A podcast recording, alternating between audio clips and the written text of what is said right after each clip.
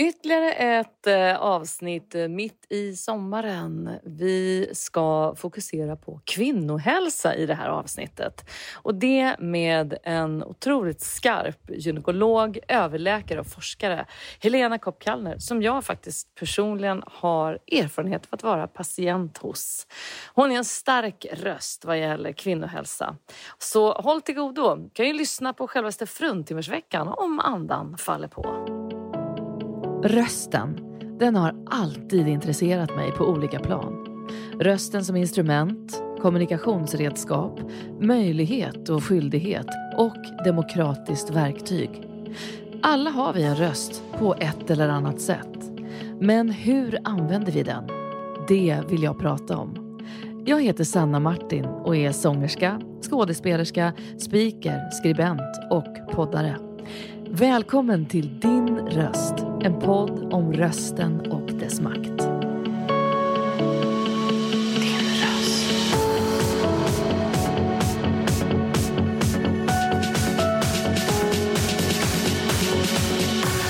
Din röst. Ja, det perfekt? men jag är redo.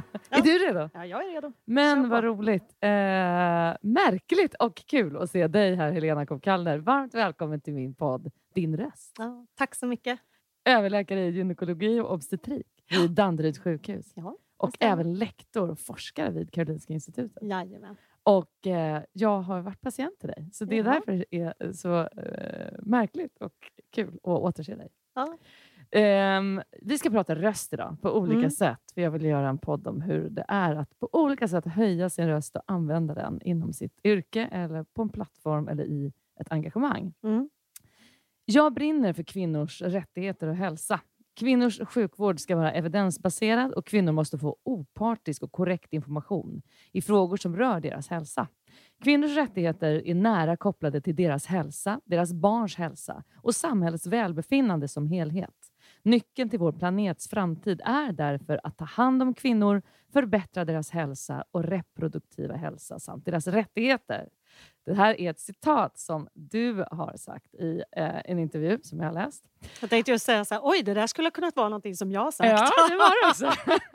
Men har du Ja. eh, alltid höjt din röst i, när du har brunnit för något? Ja, absolut. Ja, absolut. Jag har alltid varit en sån här besvärlig person som har pratat mycket och sådär och som har haft mycket åsikter. Och, ja, absolut.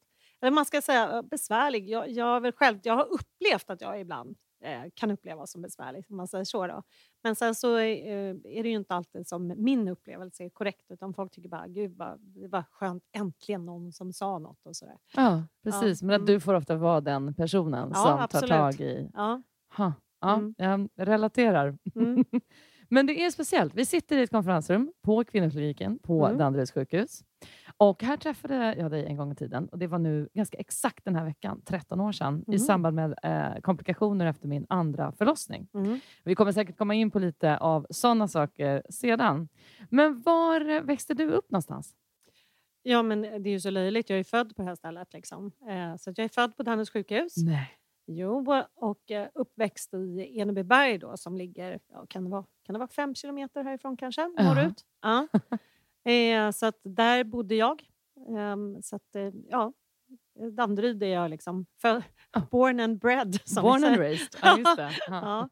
Ja. Eh, så att, ehm, och sen så bodde jag ett tag eh, söder om stan och Mm. sen ehm, så gjorde jag min AT i Gällivare och sen när vi skulle skaffa barn och så, så ville vi bo i ett hus. Då köpte vi ett hus i Täby. Så Jaha, det är ganska Täby. nära. Ja, Ja, det är väldigt nära. Och det är Jaha. väldigt skönt när man jobbar på Danderyds sjukhus och Ja. har en sån här tjänst som jag har där man flaxar mycket. Mm. Och liksom det är möten och, det är, och så tar man en patient och så ska man...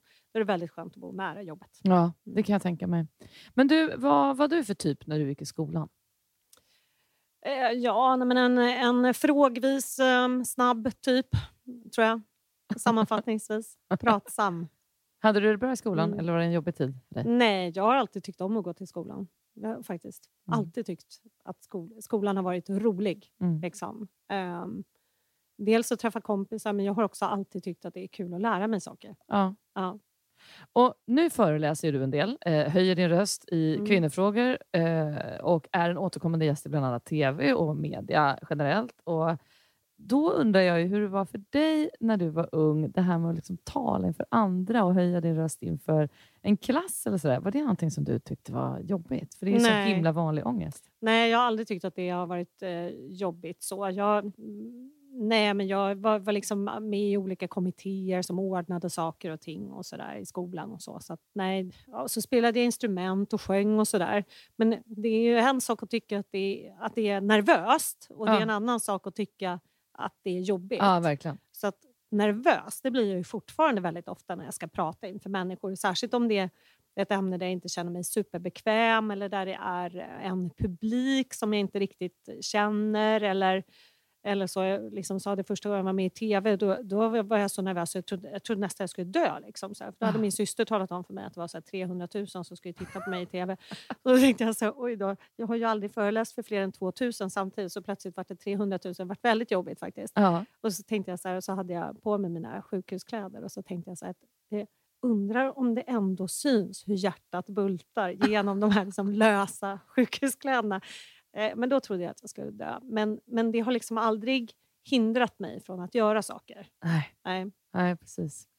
Du, ehm, att bli läkare då, var Mm. det något, något som du såg framför dig tidigt i livet? Eh, om du skulle fråga min mamma så skulle hon eh, säga ja.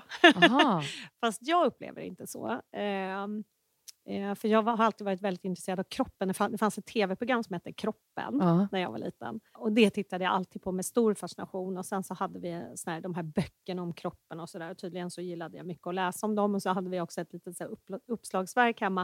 Och nu fick jag det när jag fyllde 50 i present av min mamma, det här uppslagsverket. Eh, och, så, och så hade hon liksom markerat så här, det här är dina favoritsidor och då var det så här, människan. Och så här, så här, anatomiska bilder på människan. Liksom och så. Och då, hon bara, det här var dina favoritsidor. Jag bara, okej, vad roligt. Eh, men nej, jag tror att egentligen så tänkte jag så att liksom, jag visste ju att jag ville plugga vidare. Mm. Eh, och då var det liksom så skulle jag bli ingenjör eller jurist eller sådär. Och så funderade jag verkligen på olika saker och så kom jag fram till att men, läkare kanske vore ändå kul. Ja. Eh, och ehm, eh, då tänkte jag så här, men jag måste ju kolla om jag gillar att jobba med människor först. För det hade jag liksom aldrig gjort. Nej. Så.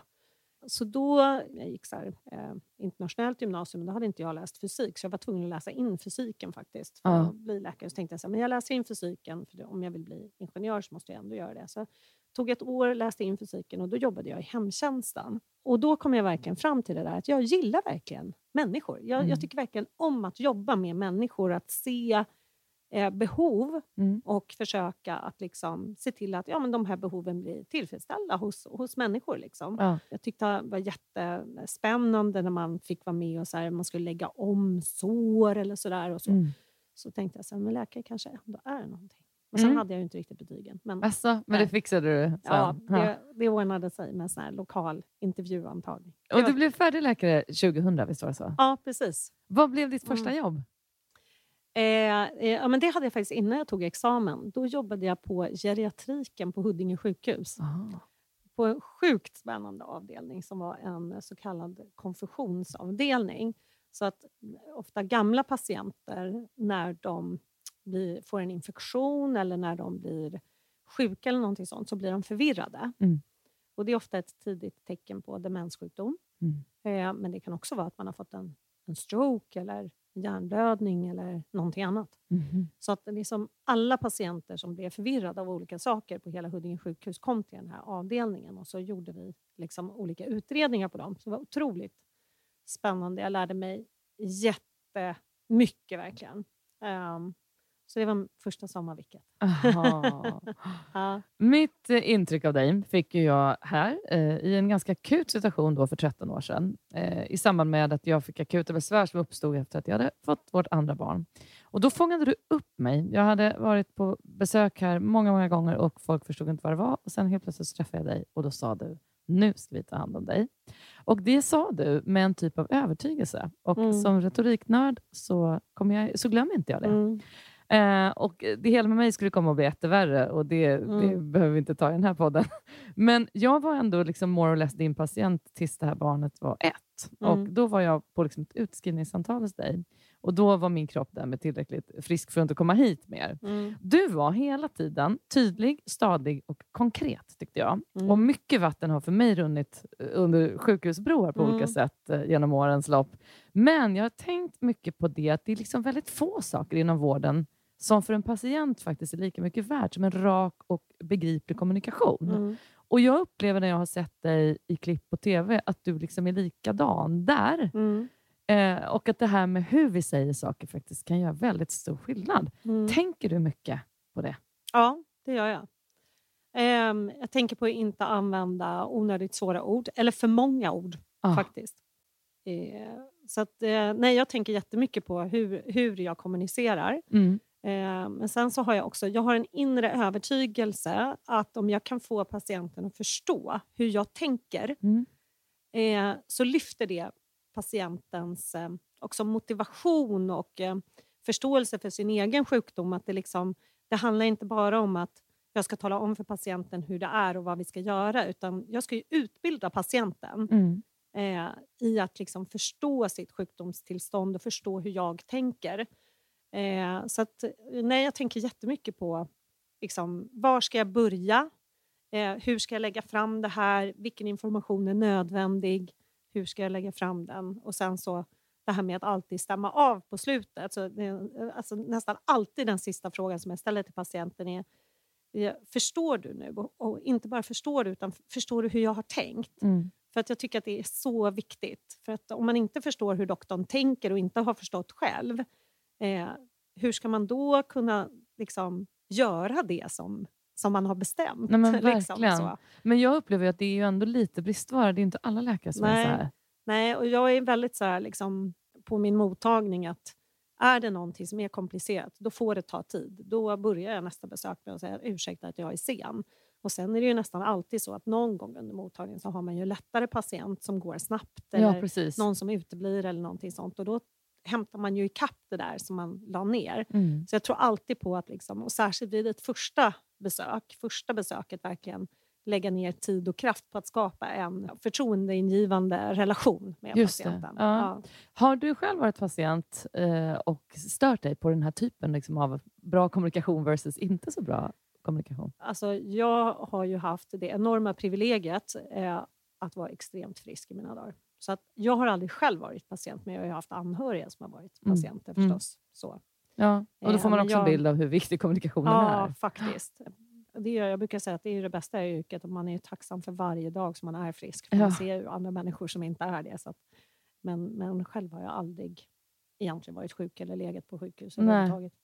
Du är en stark röst i ämne som alla ämnen som egentligen rör kvinnohälsa. Mm. Hur uppstod liksom det fokuset och det intresset hos dig? Ja, det är en jättebra fråga. Jag önskar att jag egentligen skulle kunna ge något så enkelt svar på det. Men, men eh, eh, det var inte självklart för mig att jag skulle bli gynekolog heller faktiskt. Utan när jag var liksom klar med min AT och hade fött mitt första barn, då började det liksom bli dags att skaffa ett riktigt jobb. Jag bara stafettade runt och liksom funderade på vad jag skulle göra med livet. Och då funderade jag först på att bli allmänläkare, för det Mm. tyckte jag var väldigt kul under min AT. Jag tyckte att det, ja, tyckte det var givande att träffa samma patient flera gånger och så. Ofta en hel familj och så här. Jag tyckte det var väldigt kul Ja. faktiskt. Eh, men så var det liksom två, två saker som jag tyckte var roligast. Det ena var att hålla på med barn. Jag tycker att det är väldigt kul med barn. Och det andra det var egentligen att skära i människor.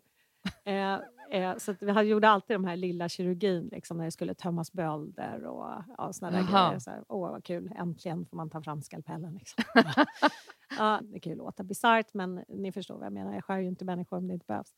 Eh, och, eh, och sen så var det en placering som jag tyckte var den absolut roligaste under läkarlinjen och det var ju att vara på förlossningen. Så att, eh, då tänkte jag så här, men jag söker barn, jag söker allmänmedicin och jag söker gyn. Och eh, så var jag på en intervju på en vårdcentral och sen så gav de den positionen till någon annan. Och sen så fick jag något jävla snorkigt svar från eh, barnkliniken. Eh, Typ så här, ja, jag brukar samla lite ansökningar en hög och sen så väljer jag ut några som jag kanske ringer så får man se om man har någon plats. Så då vart jag bara sur. Så här, förstår du inte min storhet? Nej. Jag tänkte så här, gud, det där verkar faktiskt inte vara en trevlig arbetsplats. Liksom. Nej, förstår ni? Men så här, den i attityden. Liksom. Ja. Jag, jag verkligen kände det. Så bara, Ah. Där vill jag inte jobba. Eh, och sen så hade jag inte hört någonting från gyn så tänkte jag här, jag ringer upp. Och så ringde jag upp och så jag sa bara, Åh, hej, jag, eh, jag har skickat in mina papper och jag, bara, jag har inte hört någonting. Jag bara undrar, ett ögonblick, ett ögonblick, nu går, går jag ut från ett möte här. Och jag bara, gud, det var inte nödvändigt. Så jag kan ju ringa tillbaka. Eh, hon bara, vi är jätteintresserade. När kan du börja tror du? Jag bara, ja, jag vet inte riktigt. Ni kanske vill träffa mig först. Men, ja, ja, det kanske vi vill. Kan du komma imorgon? Eh, och sen så var det på den vägen. Var det här på Ja, Danderyd? ja. Nej. Och då visade det sig att det var ju typ så här, den veckan hade åtta stycken eh, underläkare kommit och sagt att de väntade barn. Och de hade ju panik. Så där kom jag in. Så var det med det. Så sen så var det kvinnohälsa som gällde. Och så, så vilket år var det? När började du här? Eh, 2002 i Mm. november. Gud, det är 21 år. Ja, jag Va? vet. Det var Crazy. 20-årsjubileum förra året. Mm. Gud vad coolt. Ja, Ja. ja. Men Mm. alltså kvinnokroppen, vi kan ju Ja. djupdyka i detta så mycket vi nu hinner. Ja. Men jag tänker på det här med alla faser. Alltså ungdomsåren och kring Mm. graviditet och förlossning och amning. Och sen kommer klimakteriet och det är en jävla resa. Eh, och vi ska liksom bara eh, ta det och vara glada och skutta vidare på något sätt. Men om vi, om jag, jag följer det på Instagram. Alla som Mm. lyssnar vill jag verkligen, som inte gör det, uppmana eh, dem att göra det. För det är ju Mm. väldigt lärorikt och du, är liksom, du lägger ut matnyttiga liksom, forskningsrelaterade artiklar och liksom, världspolitiska inlägg. Mm. Och det är superintressant. Men, men jag tänker, om vi börjar liksom fokuset eh, på unga tjejer. Ja. Vad, ehm, vad vill du liksom att de ska veta? Vad är viktigt för dig att kommunicera ut till den målgruppen? Där de kanske är, kring eh, att just kanske ha fått sin första mens och så Mm. vidare. Mm. Nej, men jag tycker att det, det absolut viktigaste det är att alla kvinnor har en rätt att må bra. Eh, och gör man inte det, då ska man se till att få hjälp så att man kan må bra. Eh, och en del de mår ju bra av sin mens. De mår, alltså allt är peachy fine. De har inte ont, de blöder inte mycket. De har ingen PMS, de har inga finnar. Allting är toppen. Liksom. Mm. De har massa kompisar, de har kille. Alltså, så här, livet Jag är undrar bara vilken en procent, enda- hur stor procent du Ja, pratar men om. man, ja Alltså- man undrar det, men jag tror ändå att det är en ganska stor andel som Okej, liksom är tycker att livet Ja. är riktigt Ja. bra. Liksom, sådär. Eh, men sen så finns det ju de som inte har det på det viset. Eh, och då tycker jag att man har rätt att få hjälp. Då hamnar vi liksom i det där med att liksom vissa saker på något vis anses så här, skämmiga eller att det finns en attityd i vårt samhälle att vissa grejer eh, naturen är bäst och liksom såna där grejer. Ja, och om man vill ha hjälp för sin mensvärk och så börjar man äta p-piller för att få mensvärk, då är så här bara, jaha, håller du på och micklar med naturen nu? Att det, att det finns liksom den här, ja men att man skammar människor Just det. liksom, Att för att de tendens- vill må bra. Just det. Ja, Och att vi har en tendens att tycka så mycket normalt. Ja, jag. och så här, Alltså- nu tog du den lätta vägen. Ja, lite så. Så här, som att den svåra vägen är alltid lite finare. och jag, är, jag håller ju inte alls med om Nej. det där. Utan jag tycker så här att om alla människor bara ägnar sig åt att tänka mest på, eh, på vad de själva håller på med Mm. och bryr sig lite mindre om vad alla andra håller på med så länge det inte skadar någon annan så, så blir det ett bättre samhälle. så. Verkligen. Eh, alla blir salig på sin tro, tycker jag. Mm. Så det, det är ju det som jag liksom vill informera om. Att, att det finns vissa saker i det kvinnliga könet eh, som skapar bekymmer för kvinnor. Och då finns det hjälp att få. Ja. Och det är då till exempel rikliga mensblödningar, det är mensvärk, PMS, liksom, Mm. att, man, att man mår dåligt av sin menscykel och, Mm. och sådana saker. Det, är- framförallt unga tjejer. Mm. Och också liksom, när det gäller akne så har vi också vä- väldigt stor möjlighet att hjälpa till. Mm. Och då tänker jag att det här vill jag verkligen att det ska nå ut. För att man ska komma då till det här med naturen då. Så är det ju så att i vissa samhällen gäller det fortfarande att liksom, när man har fått sin första mens då är man kvinna och då ska man gifta sig och skaffa barn. Och så har det ju varit i alla tider. Att liksom från det att, att eh, flickor får sin första mens då blir de kvinnor. Och sen efter det så har de i princip varit antingen gravida eller ammat. Ja. Ja, och mens har varit någonting som man har fått en, två, kanske tre gånger innan man faktiskt har varit gravid igen. Mm.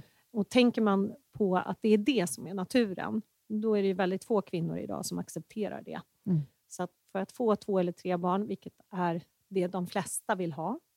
Eh, det finns de som inte vill ha något barn, det finns de som vill ha ett och det Mm. finns de som vill ha sju. Men de flesta kvinnor idag säger att någonstans mellan ett och tre barn. Vill man åstadkomma det, då måste man göra någonting. Då Mm. måste man mickla med naturen. Ja. Mm. ja. Och jag tänker också på det här med ja, men tjejer som, eh, som liksom jag ser i vår närhet, som ja, men de har så tuff mens att de måste vara hemma från skolan Ja. till exempel. Och det, om jag förstår dig rätt, det är inte normalt. Nej, Så det är absolut inte, det. normalt. Nej. Eh, Och det är inte heller bra. Nej, Jag menar, svår mensvärk kan ju vara ett tecken på till exempel endometrios. just det. Och eh, endometrios det är ju en sjukdom som om den får fritt spel så kan ju det leda till sammanväxningar och Mm. också svårigheter att få barn i framtiden. Så att det är ju inte bara så att det handlar om att stå ut och jag kan ju stå ut och då behöver jag väl ingen behandling utan tvärtom så ska man ju kolla då att det, är, att det inte är någonting Mm. annat som till exempel endometrios som Ja, gör det här. Och så det. vi ska behandlas. Och vägen till då att hitta rätt vård, den är ju Mm. lite snårig. Ja, Eh, för jag, menar, jag vet att liksom, det, är inte helt, det är inte helt givet. Man kanske kan hamna på en ungdomsmottagning, Mm. men det är inte säkert att de undersöker. mm. Eh, har du något tips liksom, för unga tjejer som kanske känner sig, jag vet inte riktigt vart jag ska vända mig? men är man ung så ska man börja på ungdomsmottagningen. Mm. Eh, och vi, vi har ju god tillgänglighet på ungdomsmottagningarna idag, vilket är jätte, jättebra. Och där kan man då få hjälp av en barnmorska. Och sen är det också så att alla ungdomsmottagningar ska ha en läkare knuten till sig Mm. som ska kunna hjälpa till om man till exempel behöver utreda någonting med mensen, att mensen kommer för tidigt eller kommer för sent Mm. eller liksom sådana saker.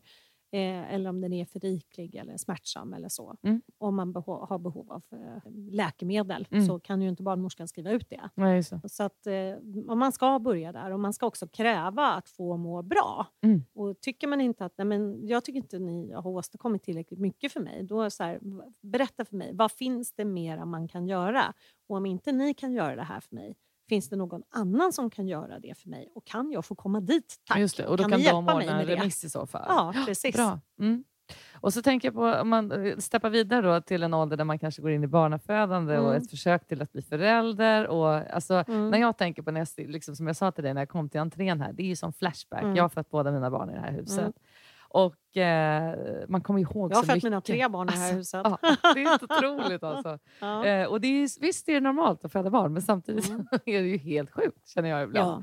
Eh, och du har själv berättat på din Instagram om Mm. att du råkade ut för hyperremesis, alltså allvarligt Ja. graviditetsillamående. ja, det var Kan första inte du berätta om det? Vad, vad är det här? Och, Nej, men det var ju något vad hände dig? Ja, jag fattar inte det heller. Eh, det var ju en sån grej som jag aldrig trodde skulle liksom drabba mig. nej. Och det var ju så, det var så tramsigt också för att vi, vi skulle åka på en lång resa. Det är ju som klassiker på något vis att vi vill, vi, man tänker att man ska sluta med sina p-piller och så kanske det tar ett tag innan man blir gravid. Ja, men tjosan liksom. Det, i, I mitt fall gjorde det inte det kan jag säga. Eh, eh, och det kan man ju tycka att det är tur, men just då så var det så att vi skulle åka på en väldigt lång resa till Sydamerika. Och så fick jag liksom sitta på planet och liksom outa där att jag kunde tyvärr inte dricka någon, någon vin. Folk ville skåla på planet. Vi var liksom ett, ett kompisgäng som skulle resa. Och sen när jag kom fram så började jag må illa och då skyllde jag liksom på jetlaggen. Och, och sen så skulle vi åka upp till några jäkla gejsrar uppe i något höghöjdsområde. Då skyllde jag på höjdsjuka och sen så mådde jag ju bara sämre och sämre och liksom bara kräktes och kräktes hela tiden. Kunde knappt gå någonstans alls utan att kräka och kräkas och det där bara fortsatte ju. Och sen när jag kom hem, och jo, då skyllde jag på att jag hade fått så här, ehm, eh, ja, men så här dyspepsi, alltså så här, vad ska man säga, sura uppstötningar och så här grejer. Det var det som var liksom problemet.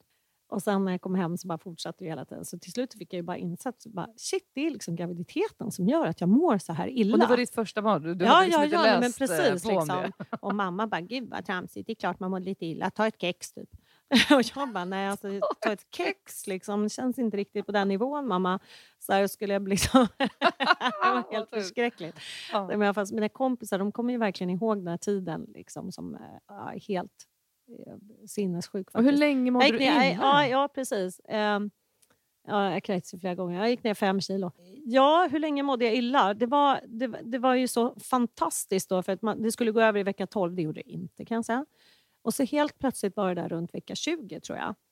Så var det eh, eh, en dag när jag liksom bara på kvällen så gud, jag har ju bara kräkts liksom kanske tre gånger idag. Det är ju helt fantastiskt. Och sen nästa dag, då hade jag inte kräkts alls. Och jag bara, gud, det är ju fantastiskt. Och så på tredje dagen, då mådde jag inte illa. Så liksom bara på tre dagar så gick det där bara helt Men bara ändå- mirakulöst över. Halvtiden då? Ja. Skulle Då hade jag knaprat ganska mycket piller kan jag säga. Och kex? Och, ja, alla knep som skojar. står i boken hade jag ju kört med. Otroligt tufft. Men hur vanligt är det här då? Men det, det är inte jättevanligt. Nu kan, kommer jag faktiskt inte ihåg någon procentsiffra. Jag eh, borde ju veta det förstås. Men det är ett fåtal procent av graviditeter, Mm, kanske mm. 5-10 procent som är sådär riktigt illa. Liksom. Just det. Eh, men det är vanligare än vad man tror. Vi har ju till och med kvinnor som liksom får lägga in och ge liksom dropp för att de får inte behålla någonting. Nu ska man komma ihåg att det här var ju många, många år sedan och vi Mm. har ju fått mera läkemedel också som är möjligt att ge Mm. idag jämfört med vad det var då. Och då vill jag också säga så här att så här ska man inte behöva må under graviditet utan man ska få hjälp. Mm. Och visst, man kan ha illamående och man kan behöva kräkas och, och liksom så. Men man ska kunna fungera, man ska inte gå ner massa kilon i vikt. Eh, och det finns läkemedel att få. Läkemedel som vi idag vet fungerar bra med graviditet. Ja, det. Här avsnittet görs i samarbete med Verso Skincare, V-E-R-S-O. Då vi numera lever längre liv ökar vikten av att vi tar hand om oss på olika sätt. Då är vettig hudvård ett steg i ledet. Verso grundades med syftet att erbjuda kunder funktionell hudvård som ska vara lätt att använda. De gör högkvalitativa, vetenskapligt verifierade produkter med få ingredienser tillverkade i Sverige. De tillgodoser effektivt hudens mest allra grundläggande behov. Principen är att aldrig kompromissa med kvaliteten och man tar inga genvägar när man utvecklar sina produkter. Med retinol som signaturingrediens har märket Verso Skincare lyft svensk hudvård och verkligen satt den på världskartan. Och formuleringen med retinol 8 har visat sig vara åtta gånger mer effektiv än traditionell retinol och samtidigt minska risken för irriterad hud med 50 Versos mål har alltid varit att ge människor nyckeln till en enkel hudvårdsrutin som går att kombinera med ett modernt, hektiskt liv genom högpresterande och lättanvända produkter. Hållbara för både människa och miljö. Gå in och läs mer på versoskincare.se din röst. Men mycket kring att Ja. få barn, tänker jag... Alltså det är ju alltid förenat, upplever jag, med någon form av kamp. Antingen Ja. är det en kamp i, kring att bli gravid, eller i graviditeten, Mhm. eller under förlossningen, eller liksom när barnet ska ut på något sätt. Eller så blir det en komplikation, Mm. eller så är det tufft att amma, eller så är det något med barnet. Alltså det är Ja. väldigt, väldigt Ja. många moment som är sköra. Ja. Och där det kan vara liksom oändligt tufft att liksom stå där och vara Ja. i liksom stridens hetta Ja, själv. och det här är unikt för att vara kvinna. Män har Exakt. det inte på det här viset. Nej, Nej. precis. Mm. Eh, och det ska vi verkligen komma in på också. Mm. Liksom rent, den synen på liksom hur forskning och liksom den bristfälliga forskningen och så vidare. Men jag till exempel, i, när du och jag träffades, hade varit med om att ett kärl brast eh, Mm. i slutet av förlossningen och att moderkakan fastnade Mm. eh, samtidigt som jag hade en havandeskapsförgiftning. Och alla Mm. dessa är liksom olika riskmoment. Då. Eh, och jag visste att, eh, att den förlossningen redan var riskfylld Mm. eftersom jag hade havandeskapsförgiftning. Och en läkare som jag träffade senare på BB här då, sa till mig att du är ett praktexempel på varför vi inte tycker att folk ska föda hemma. Mm. Eh, hur ser du på det här med liksom, naturligt födande eller om någon säger till dig så här, Nej, men jag vill föda hemma? Jag tycker, det är väldigt mångfacetterat. För att jag är ju också en, en förkämpe för att kvinnor ska ha rätt att bestämma över sin egen hälsa. Mm. Och att det är kvinnan som tar ansvar för liksom, det, spirande livet där inne också, så att säga, fram till dess att eh, barnet är fött. Ja, då finns det ju plötsligt två vårdnadshavare. Ja. Men, men innan dess så är det bara en. ja, faktiskt. Så ser det ut eh, liksom, lagstiftningsmässigt och det är nog så det måste vara också. Ja. Och eh, då kan jag ju tycka eh, att jag vill mera fokusera på vilken information har man rätt att få Mm. och att man ska kunna ta till sig den informationen på rätt sätt. Eh, och när det gäller hemförlossningar så finns det ju väldigt, det, det, det, det är väldigt eh, små risker. Problemet med en förlossning det är ju att den här lilla, lilla risken, den är katastrofal.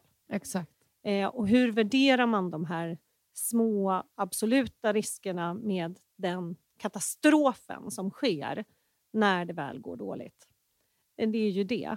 Och vem ska liksom fatta det beslutet? Och då har vi ju i, i olika regioner fattat olika beslut. Då, Där Mm. man i det, en del regioner så subventionerar man ju att man får föda hemma under förutsättning att vissa krav är uppfyllda och i andra regioner så är det inte så. Nej.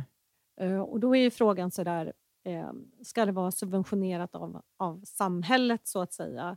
Eh, och då är det ju så här att vi, vi tar ju ställning till vilka åtgärder och vil, vil, vilken sjukvård som ska vara subventionerad i vårt samhälle. Vi, där gör ju olika länder olika bedömning. Mm. Eh, Det här tycker vi att man ska satsa på, det här tycker vi inte att man ska satsa på. I olika länder ser det olika ut. Det ser också olika ut i olika regioner. Ja. Jag kan inte säga att jag liksom har kommit fram till vad jag tycker där. Att liksom, varför ska...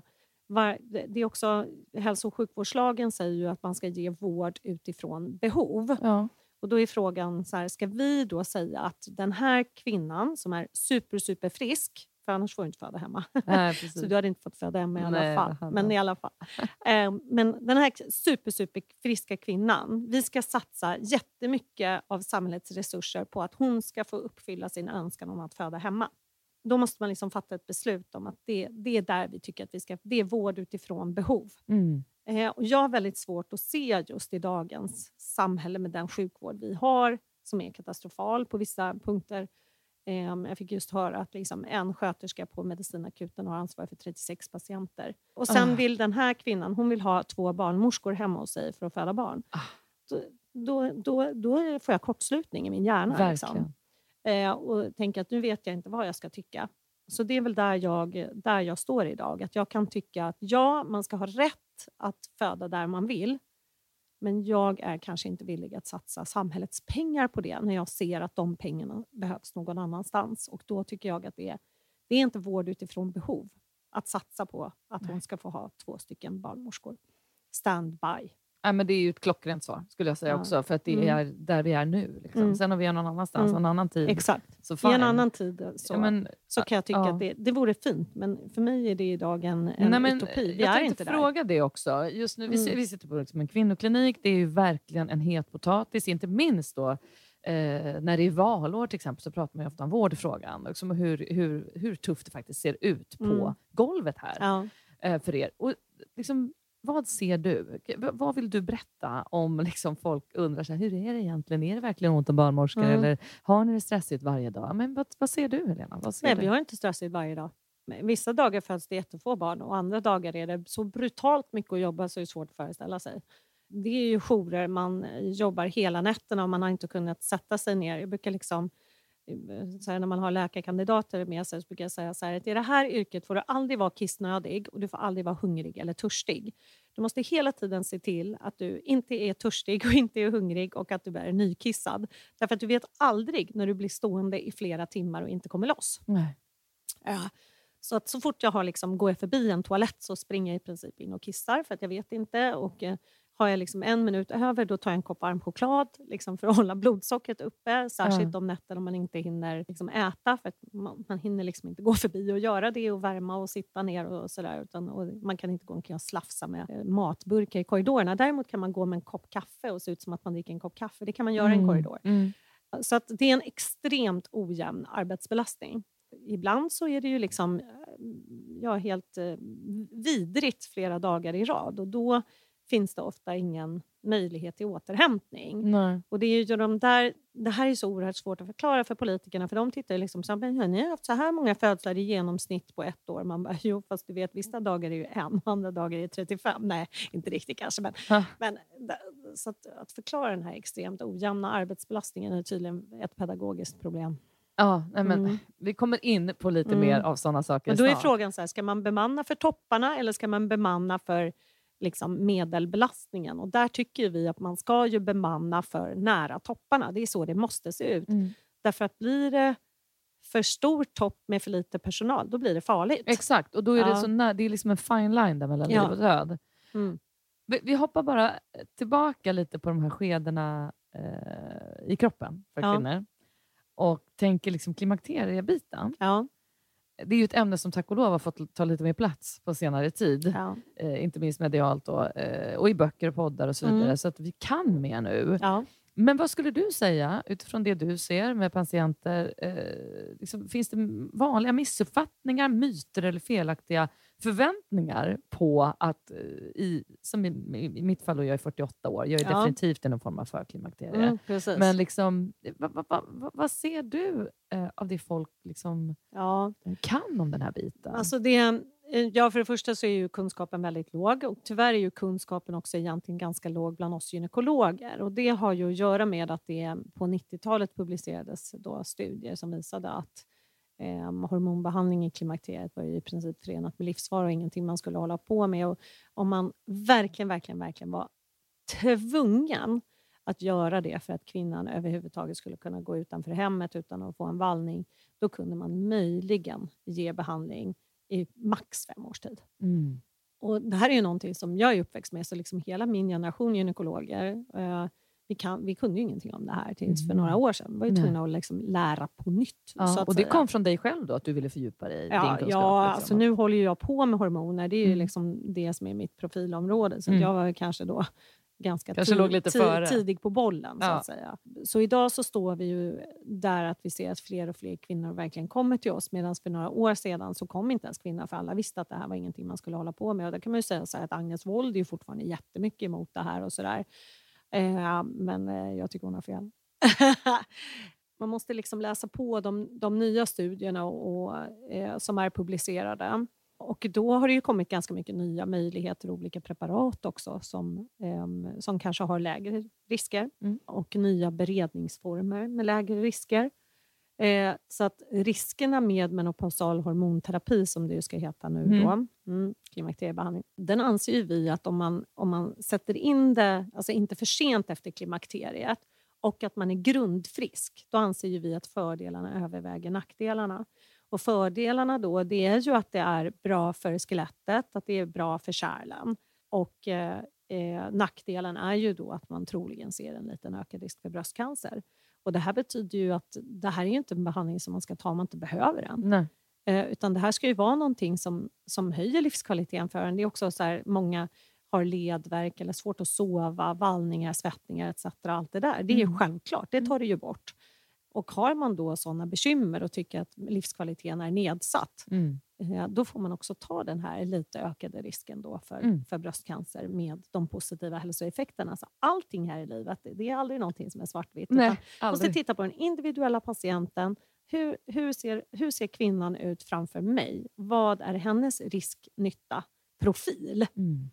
Eh, Och utifrån den så ska jag då ge henne rådgivning. Mm. Och jag förmodar att du är av samma inställning där som vi pratar om unga tjejer. Att Mm. upplever man att man inte mår bra, då söker man hjälp. Exakt. Ja. Och då tycker jag att man kan, ska kunna förvänta sig att den läkaren eh, som man träffar också kan förklara risk-nytta-värderingen. Ja. Du ser ut så här, ditt blodtryck är så här, det här är din liksom ärftlighet, det här är din kroppskonstitution. Utifrån det tycker jag att vi ska göra så här och så här med dig. Det här är ett annat alternativ. Fördelarna med det är det, nackdelarna med det är det. Förstår du hur jag tänker? Mm. Vad, vad tror du? Vad kan vara bra för dig? Det här med att det väldigt nyligen nu eh, har varit brist på hormonmedicin. Alltså Men det är för- det nu igen. Jag har Det- precis ja, fått men massa meddelanden Ja. idag att det är Men, plåsterrestning och, ja, visst. Alltså, jag vet inte om man ens kan liksom ställa sig någon fråga. Det är ju ingen fråga till dig, det är mer reflektion.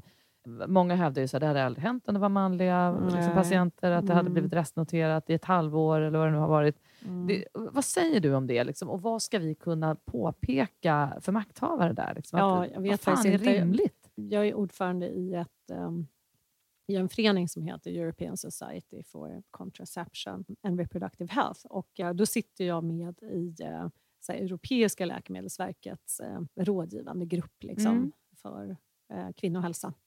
Och eh, jag menar, eller inte bara kvinnohälsa, det är ju rådgivande grupp överhuvudtaget. Så, Men jag är där som representant för kvinnohälsa. Och det här är ju samma problem alltså, i hela Europa och inom massa olika specialiteter. Att det är restnoteringar hela tiden. Ehm, och det har ju verkligen varit eh, ännu mer aktuellt under pandemin när man haft problem med försörjningskedjor och tillverkning. Just det. Liksom, det har inte funnits personal i fabrikerna och du vet, det har inte gått några båtar med eh, liksom, de här ämnena som behöver för att tillverka det här. Och flyget har ju bevisligen inte gått. Och hoppsan, då fanns det inte ingredienser till vårt läkemedel och sådär. Så att hela pandemin har ju verkligen ställt allting på ända. Mm. Eh, och sedan när det gäller just eh, klimakteriebehandlingen så är det ju så att man har i, i Europa sett en, en jättekraftig ökning av förskrivningen eh, av klimakteriebehandling. Och det, det betyder helt enkelt att fabrikerna har inte hunnit skala upp produktionen Nej. i förhållande till eh, efterfrågan. Mm. Och det där håller de ju på med nu. Liksom, att de ökar, ökar produktionen Mm, då för mm. att komma ikapp med efterfrågan. Så att det är det som är det stora problemet när det gäller plåstren, att de tillverkar inte tillräckligt många plåster. Nej, nej just det. Mm. Exakt. Du, ehm, jag tänker på att här, i din energi, som jag var inne på, både liksom när man träffar dig och hur du uttrycker dig liksom Mm. medialt och på din Instagram. Så, att du känns som en kraft som är förändringsbenägen. Mm. Ser du dig själv som att du är förändringsbenägen? Oerhört förändringsbenägen jag. Hur förändrar man i liksom vårdapparaten? Ja, det är trögt. Utifrån så känns det som en koloss. Ja, det är trögt. Jag blir ofta ganska frustrerad. Men eh, man blir äldre också, så att eh, man blir kanske visare. Nej, men jag har ju drivit såna här för, liksom förändringsprojekt i vården. Ja, men införande av olika nya metoder och såna där grejer och försöka få acceptans för det och så. Mm. Jag jobbar ju stenhårt på att använda mig av de här modellerna som finns där man liksom delar in människor då i någon slags early adapter, vilken jag är själv då kanske då en så här som tar till sig förändringar snabbt och tycker åh det här verkar kul, det är något nytt, vad spännande. Så där, med en sån person. Ja. Eh, och sen så finns det de här liksom mer lite slow adapters. Okej, men jag vill gärna kolla att det funkar först, men jag är inte negativ. Utan, men om det, om det funkar, då, är- då är jag med. Liksom. Mm. Och sen så finns det de här som bara, nej, ni får visa först att det fungerar bra, inte bara i Sverige utan över hela världen och sen ska jag fundera lite så kanske jag är med. Och sen så finns det de där som liksom aldrig kommer att förändra sig därför att de är oförmögna till Ja, det, det. eller de Mm. hatar sitt jobb eller vad det nu är. Liksom. Och då så ah, visar ju alla så här, när man ska bedriva förbättringsarbete, man ska satsa på de två mittersta grupperna. För den första gruppen, de skuttar ju efter en oavsett vad man håller på med. De tycker allt är spännande och kul, så de Ja. kan man strunta i. De följer ändå. Och den där sista gruppen, de är helt meningslösa att lägga energi på, för där kommer det ändå aldrig att hända någonting. Nej. Så bara strunt i dem. Utan de andra två grupperna, de ska man lägga all sin energi på. Mm. Och det där är ju någonting som jag, alltså, så fort jag börjar prata om att man ska förändra någonting, jag försöker dela in alla människor i någon slags kategori. Mm. och sen så fokuserar jag liksom stenhårt på det där. Men, men jag tycker det det, ja, det är jäkligt svårt och särskilt när det gäller när man ska förändra någonting som har med ekonomi att göra. Ja, alltså, ja. Då blir det så enormt trögt därför att det har liksom med ersättningssystem att göra. Så här, vi vill införa en ny behandlingsmetod. Ja, hur ska vi koda den då? Eh, Och ska, vi, hur ska vi få betalt för det? Den finns ju inte i systemen. Liksom. Alltså, så Just det, det är liksom systemproblem. Man bara, Ja. men vi har ju visat att det funkar jättebra. Vi har gjort den här studien och bara, kvinnor älskar det här. Nu ska vi göra det. Bara, ah, jag tror det blir svårt. Nej men gud vad jobbigt.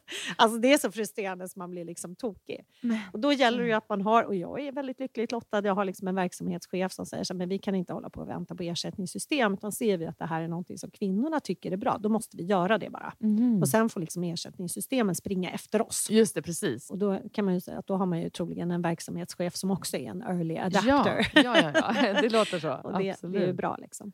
Men jag gillar förändring och förbättring. Jag är ju så här otroligt projektorienterad. Ah. Eh, och det är därför det passar mig så bra att vara forskare. Mm. tror jag. Också Mm. att man, liksom, man har en idé, man gör en plan, man driver den i mål, man implementerar, man går vidare. Mm. Vad forskar du på just nu?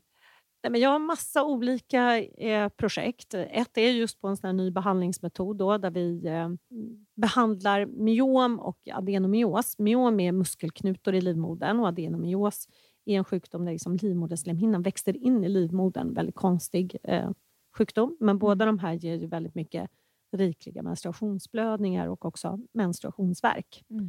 Och då det vi gör är att vi behandlar de här med mikrovågor.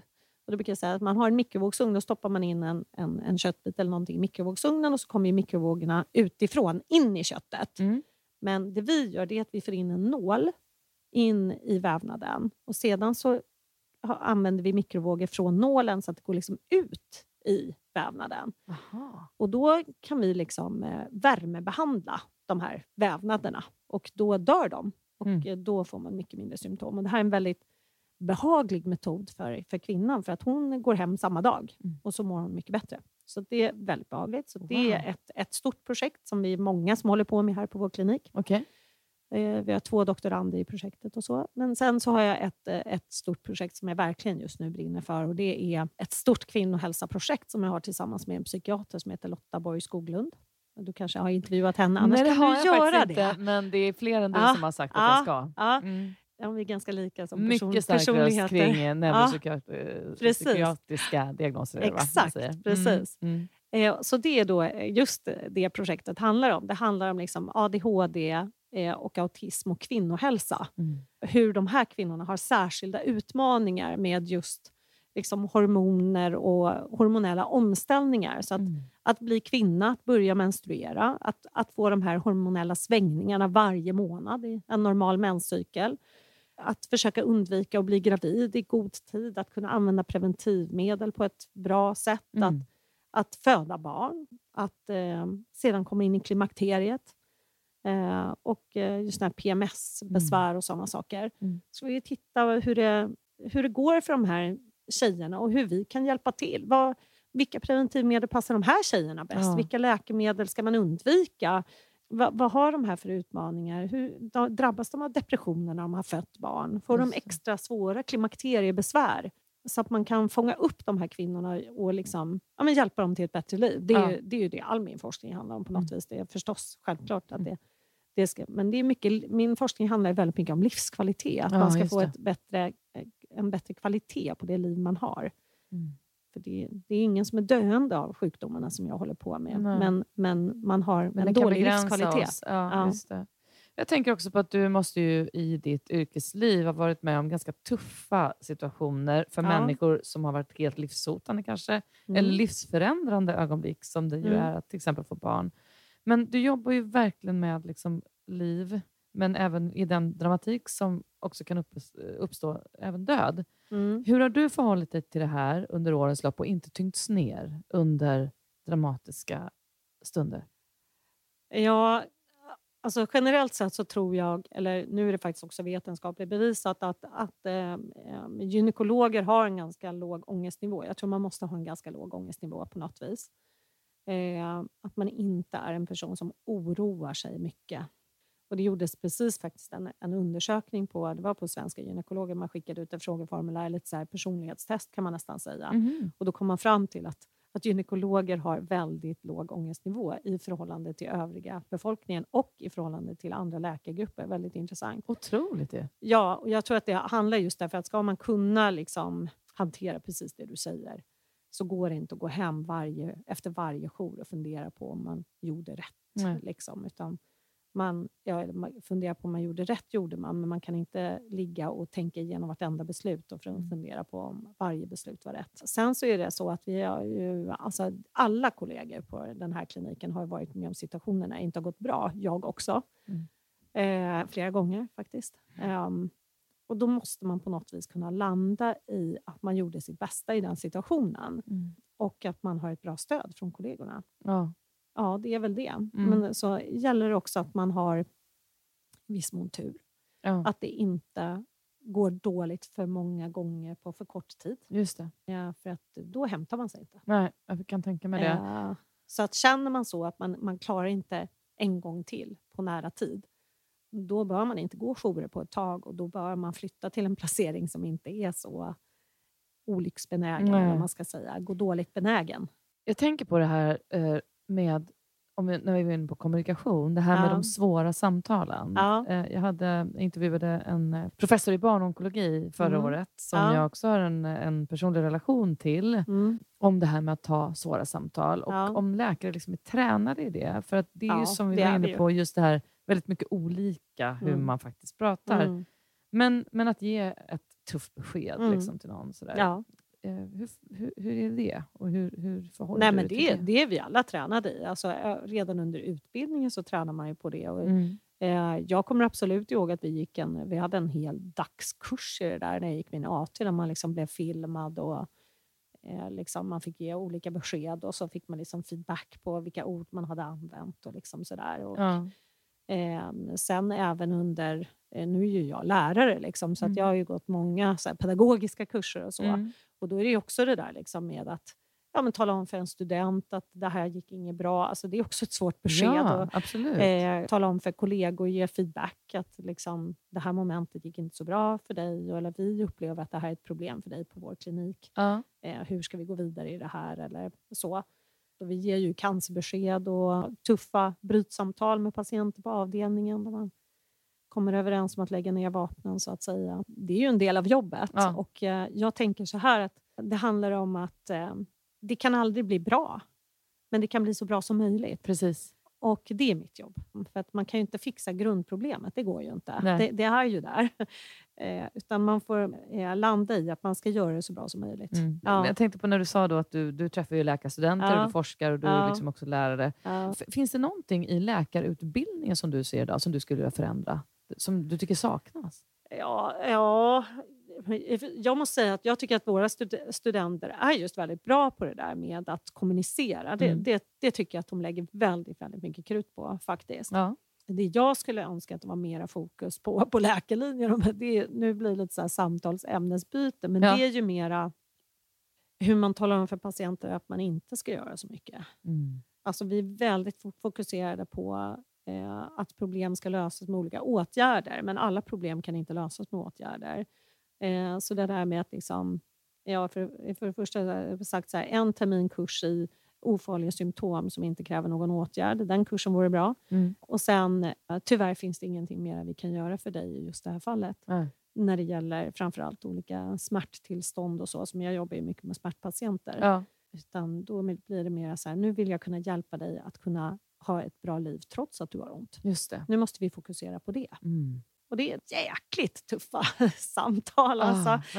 Ah, eh, och där får man också tänka att det, man får göra så bra som möjligt. Du, det var ju inte så länge sedan det var val. Jag Ja. frågar alla mina gäster hur liksom, för man förhåller sig till ett val när vi får lägga Ja. den typen av Ja. röst. Eh, vad skulle du säga, Lena? Vad, vad gör ett riksdagsval med dig? Ja, det är ju en eh, väldigt bra fråga. Jag har ju alltid varit för att eh, val ska... Jag tycker våra politiska partier fokuserar alldeles för mycket på sakfrågor. Eh, och så lägger man sig liksom i sakfrågor så man försöker optimera sig att man ska få så många väljare som möjligt. Medan jag tycker att eh, val ska mera handla om ideologi. Hur, vi- vilket samhälle vill jag leva i? Ja. Och vilken modell för ett bra samhälle är det jag eh, förespråkar? Är Mm. det ett liberalt samhälle eller är det ett socialdemokratiskt samhälle? Är det liksom ett vänsterpartistiskt samhälle, ett miljöpartistiskt samhälle? Jag tänker mig att det här är liksom olika ideologier utifrån vad, vad man tycker är det viktigaste för samhället. Mm. Och eh, att, att partierna ska ägna, välja, liksom ägna tiden åt att försöka få väljarna att ideologiskt känna samhörighet med, med eh, partipolitiken. Mm. Istället blir det liksom mer så här, vi vill höja barnbidraget med Ja. 100 kronor. Och så liksom, aha, vilken ideologi handlar det om? Mm. Liksom, eller vi, vi vill fokusera på att alla barn ska få kollo.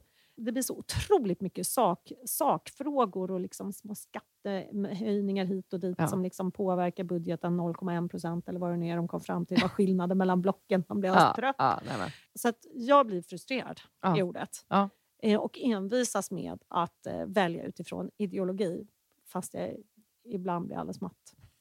Men vad, eh, jag brukar eh, fundera också utifrån dis, ditt perspektiv och ditt eh, yrkeskunnande. Ja. Vad skulle du önska att makthavare visste som du vet och som du ser? Jag skulle vilja att man verkligen förstod hur extremt ojämlik vården är över vårt land idag. Eh, hur extremt olika väntetider det är till olika åtgärder, hur extremt olika det är vilken vård man väl får när man kommer fram i systemet. Hur kan det vara så att, att vi opererar så otroligt många mer kvinnor för inkontinens i Stockholm än vad man gör i vissa andra regioner? Betyder det att kvinnorna där inte har inkontinens? Nej, naturligtvis inte. Det är bara det att väntetiderna till mottagningarna är extremt långa och sen när man väl kommer fram så måste man bäckenträna i, bäckenbottenträna i två år. Liksom och så här. Alltså, den här vården är så ojämlik. Har man myom och man behöver ta bort livmodern och söker i ett visst landsting, då får man magen uppsprättad och köper man, eh, eller kommer man till oss här på Danners sjukhus, då blir man opererad i robot och går hem med två små minimala hål på magen. Eller ja, nu, det är väl fyra hål i och för sig. Men ja, alltså, ja, men ändå en stor själva skillnad. enormt stor skillnad i den vård som erbjuds. Ah.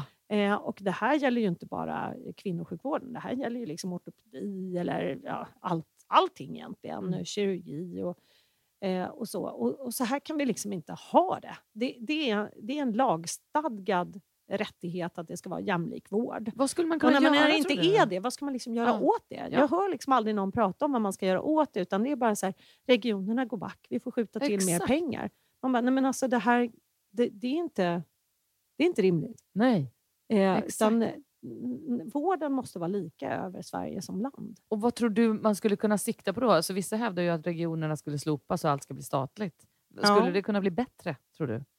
Alltså, då är det ju många som säger så här, ja men då kan ju du tänka dig Helena hur det skulle vara. Då är du statligt anställd. Då får du, då får du samma villkor oavsett om du jobbar i Västerbottens inland eller i, eller i Stockholms innerstad. Men så kommer det ju inte att bli heller därför att då finns det inga läkare som jobbar i, i Västerbottens inland. Mm. Ehm, Så att jag, jag håller väl inte riktigt med om det. Jag tycker att det ska vara en betydligt eh, större statlig styrning av vården Ja. eh, med eh, vårdgarantier. Och att eh, regionerna då, om de inte uppfyller vårdgarantierna så ska de betala resa och boende för patienter för att söka ett annat landsting där kön är kortare. Mm. Eh, så här ser det ut i till exempel Danmark och det leder ju till att, eh, att köerna kortas helt enkelt. Ja, ja. Eh, jag uppmanar alla mina patienter, säger i den här podden också nu, att eh, bor man då i, eh, en region anser att det är dålig tillgänglighet inom gynekologin, då kan man alltid komma till Stockholm. Alltså, de flesta människor passerar ändå Stockholm till exempel vid någon resa eller Mm. någon weekend eller Mm. shoppingresa. Eller, ja, många passerar Stockholm i alla fall någon Ja. gång under året. Passa på att boka en tid till en gynmottagning här eh, och få dina besvär bedömda. Eh, och oftast är det ändå så att vi kan göra operationer med mera som dag 20 och då skickas räkningen hem till ditt landsting. Mm. Så Men- man har rätt att söka vård var som helst så länge det är öppenvård. Jag skulle ju önska att det gällde även slutenvård. Ja, precis. Verkligen. Men du räds ju inte heller att ta ton i liksom, politiska frågor rörande till exempel aborträtten Nej. internationellt och allt som Mm. sker i den frågan kan vi ju också prata i hundra år om. Vad eh, är det du liksom ser just nu i den debatten och vad stör dig liksom mest i den här frågan här och nu? Liksom, har det uppkommit Menar du i någonting? världen eller i Sverige? Både och faktiskt. Du får gärna tala Ja. utifrån liksom, di- dina egna tankar Ja. kring det. Ehm, nej men i, I världen så är det ju framförallt USA som är väldigt störande. Och Det Ja. handlar ju inte om att det är USA utan det handlar också om att USA är en otroligt stor bidragsgivare för hjälporganisationer eh, som verkar i väldigt många olika av världens länder. Eh, och när det blir restriktiv abortpolitik i eh, USA då påverkar det de här organisationernas möjlighet att arbeta med preventivmedel och abortfrågor i till exempel Afrika. Och i många länder i Afrika så är det en väldigt stor del av mödradödligheten som beror på aborter. Liksom om man tittar framförallt på västra och centrala Afrika så, Mm. så är det en jättestor del där av mödradödligheten som beror på aborter. Gud, jag har aldrig tänkt på den kedjan Nej, du nämnde nu. nej, att det är så, så det är. Ja, nej, men så det är så det är. Så att, eh, därför påverkar liksom USAs abortpolitik eh, världen i stort. Just det. Eh, och då är det ju så att då går ju andra länder med liberalare inställning in då, eh, och försöker täcka det här. Så man hade ju en stor givarkonferens då med till exempel Kanada och Holland och de nordiska länderna som har bildat någon slags konsortium där de statliga hjälporganisationerna i de länderna, som hos oss är ju Sida då, Ja. eh, har gått ihop liksom och eh, gjort någon slags överenskommelse att man ska försöka fylla det här gapet i just eh, eh, aborthjälp Mm. eh, som, som USA då har liksom tappat eller försvunnit ifrån. Så det, det är det ena. När det gäller Sverige så tycker jag att vi, eh, vi ser mer och mer ett, ett behov eh, av att em, höja den lagliga gränsen för abort. Alltså vi, det framkommer Ja, det är också för att vår befolkning blir större och större faktiskt. Mm. Så då blir det fler och fler som är de ovanliga fallen. Ja. Men vi ser liksom hur ansökningen om att göra abort efter vecka 22 eh, faktiskt ökar. Men de får ju alltid avslag. Men vi Mm. ser ändå att det finns dem. Och vi ser ju också att kvinnor idag också måste resa från Sverige då för att göra aborter. Och det kan vara verkligen särskilt ömmande fall. Jag tänker inte gå in på vilka det är, men man kan leta i media så hittar man dem. Eh, För en del av dem har blivit offentliga då. Eh, Så det tycker jag är ett bekymmer. och Jag tycker också att det är ett väldigt stort bekymmer att det sitter eh, ett gäng domare och psykiater och politiker och bestämmer vem som får göra abort mellan vecka 18 och vecka 22 i Sverige. det- och det är jag tycker att det är eh, otroligt paternalistiskt och eh, otidsenligt. Eh, är det.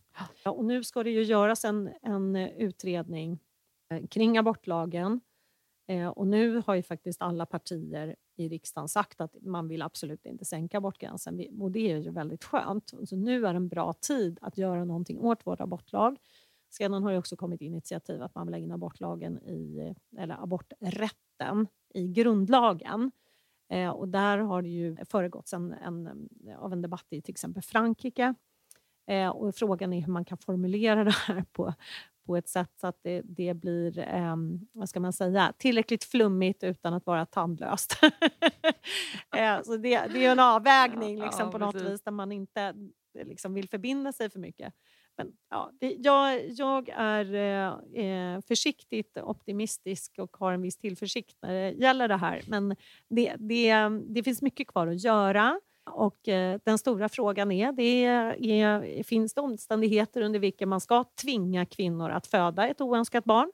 Och i sådana fall, vilka är de omständigheterna? Vad är det som gör att vi ska tvinga den här kvinnan att föda det här barnet som hon inte vill ha? Eh, och eh, vem är det som ska bestämma att den här kvinnan måste föda det här barnet? Oh. och vem ska ta hand om det sen? Gud, det, är... det, är... de stora frågorna ja, det är och det är det vi, vi behöver prata om. Jag tänker ja. på eh, att min bild ibland av politiker, eh, mm. eller ibland, jag tycker att det är en tendens till att man sitter på höga pallar, mm. tittar ner ja. och säger att där får vi göra sådär, men när man mm. aldrig egentligen gått ner till det golvet. Nej. Upplever du att när du påtalar problematik inom vården eller ditt yrkesområde, mm. att det finns en lyhördhet inom regionpolitiken eller rikspolitiken? Hör folk vad du säger? Både och.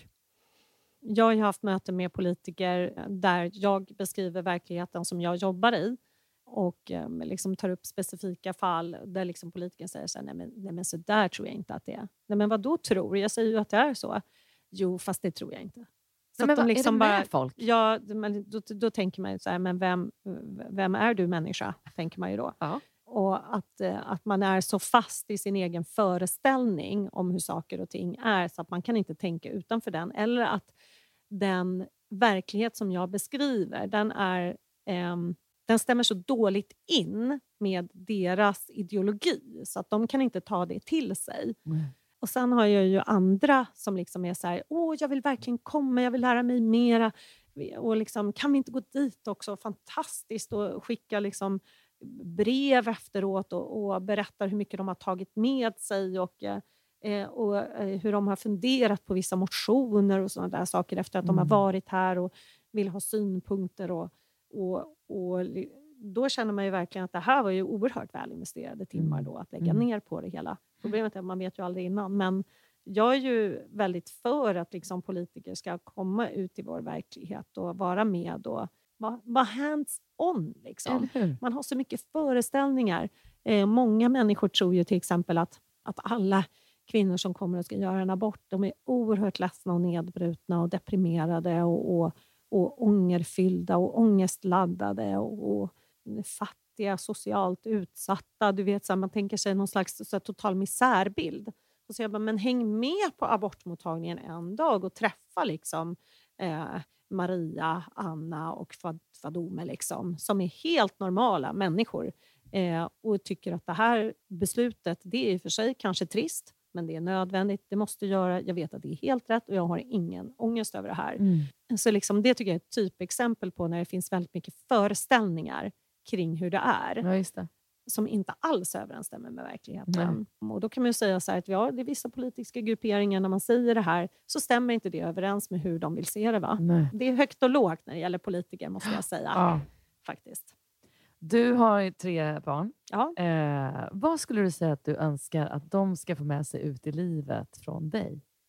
Ja, nej, men det är ju just det här att man har rätt att må bra och att kvinnor har samma rätt att må bra som män. Eh, och att man inte ska låta det faktum att man råkar vara biologiskt född som kvinna stå i vägen för att man ska ha liksom, samma bra liv som en man. Och Jag tycker att det gäller på alla plan. Mm. Även eh, när det gäller liksom, jämställdhet som liksom, handlar om att vi ska ha samma intellektuella förutsättningar eller karriärsmässiga förutsättningar som männen. Mm. Det är ju en sak, jämställdhet.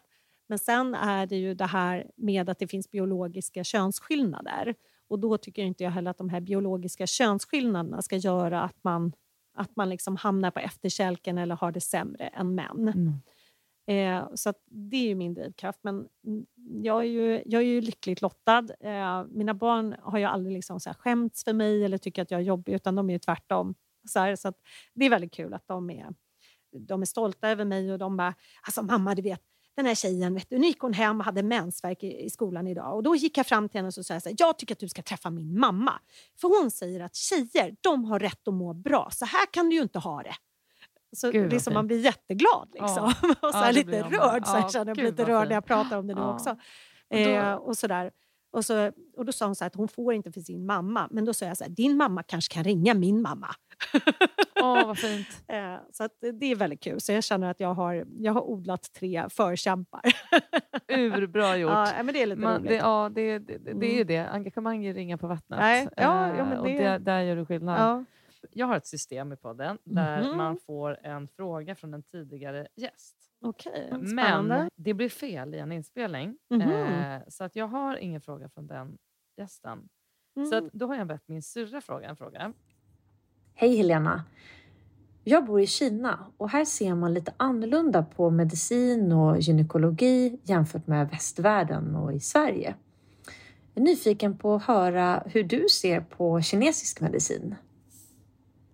Ja, men alltså, all traditionell medicin tycker jag är väldigt spännande egentligen. Men jag tänker också att eh, eh, det, det är liksom lite den där samma inställningen som att naturen är alltid bra, så här har vi alltid gjort och därför är det bra. Eh, jag tror ju inte på det. Mm. Utan eh, jag tror ju att vi idag har kommit till en punkt där vi har metoder för att utvärdera om de här traditionella behandlingarna fungerar eller inte. Och jag tycker att det är jätte, jätteviktigt. Eh, och sen kan man säga mycket om kinesisk medicin. Eh, och, eh, men, men, eh, och jag har haft patienter eh, som, som har haft eh, eh kinesisk bakgrund och som har åkt till Kina. Och eh, det har inte blivit jätte, jättebra efter det. Och det har ju varit när det har varit då elakartade eh, tumörer till exempel. Då, där de har avsagt sig behandlingen i Sverige och åkt tillbaka till sitt hemland och sen kom tillbaka när de har varit döende. Eh, Och då blir man ju väldigt skeptisk, men så går det ju inte till på de allra flesta ställen. Jag är inte liksom dum så jag säger att det är allt, alltid allting är fel med Mm. kinesisk medicin. Men vad jag säger är att jag tycker att det är samma principer som gäller för kinesisk medicin som för all annan medicin. Mm. Jag diskriminerar inte. Nej, nej, nej. Samma principer som gäller. Det ska vara en vetenskaplig bas. Ja. Eller så ska man ha kunnat visa att det här i alla fall inte är farligt. Just det. Eh, och håller man sig till det, då spelar det ingen roll var medicinen kommer ifrån. Det, Nej, precis. Det, det kan finns... vara sydafrikansk medicin, eller zulumedicin, eller, eller thailändsk medicin, Mm, eller kinesisk medicin eller västerländsk medicin. Eh, fungerar det så fungerar det och då ska man kunna visa det. Eller så fungerar det inte, men det är åtminstone ofarligt. Och Ja. då är det okej också, kanske i vissa fall. Ja, just det. Kul. Du, om du fick vara minister, vad skulle du vara för minister och vad skulle du ta tag i direkt? Ja, alltså gud, det är en jätte, jättebra fråga. Om man är minister då måste man ju liksom vara så chef. Jag, jag, jag är inte skapt för att vara chef. Det Eh, tror jag. Tror nej, nej, det är jag inte alls. Nej, du. Nej. Jag är alldeles för projektinriktad. Jag gillar inte att förvalta. så där förlorar jag intresset direkt. Och sen eh, så har jag lite dåligt tålamod också. Så jag tror inte alls att jag är skapt för att vara... Jag tror att jag har hamnat helt rätt i livet. Mm. Där jag liksom är en eh, projektdriven eh, kraft, så att säga. Ja, men kanske jämställdhetsminister. Ja, gud. Eller, eller jag vet inte vad det heter nu för tiden, men, eller hålla på med sjukvården. Annars så Mm. gillar ju jag att bestämma. Mm. Eh, tycker ofta att det blir rätt när jag bestämmer. Ja, eh, Det finns nog många eh, poster ja, du men eller hur? ha. Nej, Ja. men, eh, alltså, då skulle man ju vara statsminister. Då. Precis. Jag vet faktiskt inte. Jag lockas inte av politiken. Det gör jag faktiskt inte. Eh, för att det är en för eh, långsam organisation för mig, tror Ja. jag. Mm. Man ska veta. Jag tycker rätt person på rätt plats. Så det, är, det är det det handlar om. Ja, det Alla människor kan hitta rätt plats. Ja. Mm. Mm. Hur vill du helst använda din röst framöver? Eh, Ja, men gärna som jag gör, tror jag. Jag försöker ju att, eh, att begränsa mig. Att, eh, men som du säger, mitt Instagramkonto, jag vill att det ska handla om det som jag håller på med. Jag vill inte att det ska börja eh, spreta ut för mycket, utan det ska vara, det ska vara kvinnors eh, rättigheter, mycket aborträtt, för det tycker jag är så otroligt viktigt. Eh, och sen mina forskningsområden. Och det är också de, de sakerna som jag liksom vill, vill prata om eh, eh, publikt, så att säga. Sen har jag ju det här med att jag sitter i TV4 ibland och det tycker jag är en fantastisk möjlighet, men det är ju på en sån generell nivå, så det Mm. kan ju egentligen vilken gynekolog som helst göra. Så att, eh, nej men jag tror att jag, jag vill använda min, min eh, röst som jag gör. Om jag, om jag hade mera tid så skulle jag kunna ägna ännu mera åt eh, liksom, utåtriktat eh, arbete. För Det Mm. tycker jag är väldigt, väldigt kul. Men jag drivs ju, det är min forskning Mm. som, som driver mig. Liksom, där jag tror att jag kan göra störst skillnad. Det är det som är så fantastiskt med, med forskningen. Att, att eh, som läkare träffar jag en patient i taget och jag kan göra jättestor skillnad för en patient i taget. Mm. Men med forskningen och med det här utåtriktade arbetet så kan man ju nå så otroligt många människor samtidigt och Mm. förändra livet för så himla många samtidigt. Ja. Det är det som lockar mig. Så att jag, jag försöker hitta den här balansen, tänker jag. Ja, så jag, jag är nog ganska nöjd med hur jag använder min röst och tänker att jag ska fortsätta. Så. Ja, snälla sluta inte i alla fall. För Mm. det, det är väldigt viktigt det du gör. Och Mm. jag är urglad att jag fick träffa dig Mm. i podden och prata. För det finns verkligen mycket att säga om det här ämnet. Mm. Eller de här ämnena. Så tack för ditt engagemang Ja. och för att du ville höja din röst Ja. hos mig. Och tack för att jag fick vara med här och, och visa min röst. Ja, Mm. såklart. Mm. Och tack snälla ni som har lyssnat ännu en vecka. Vi hörs igen.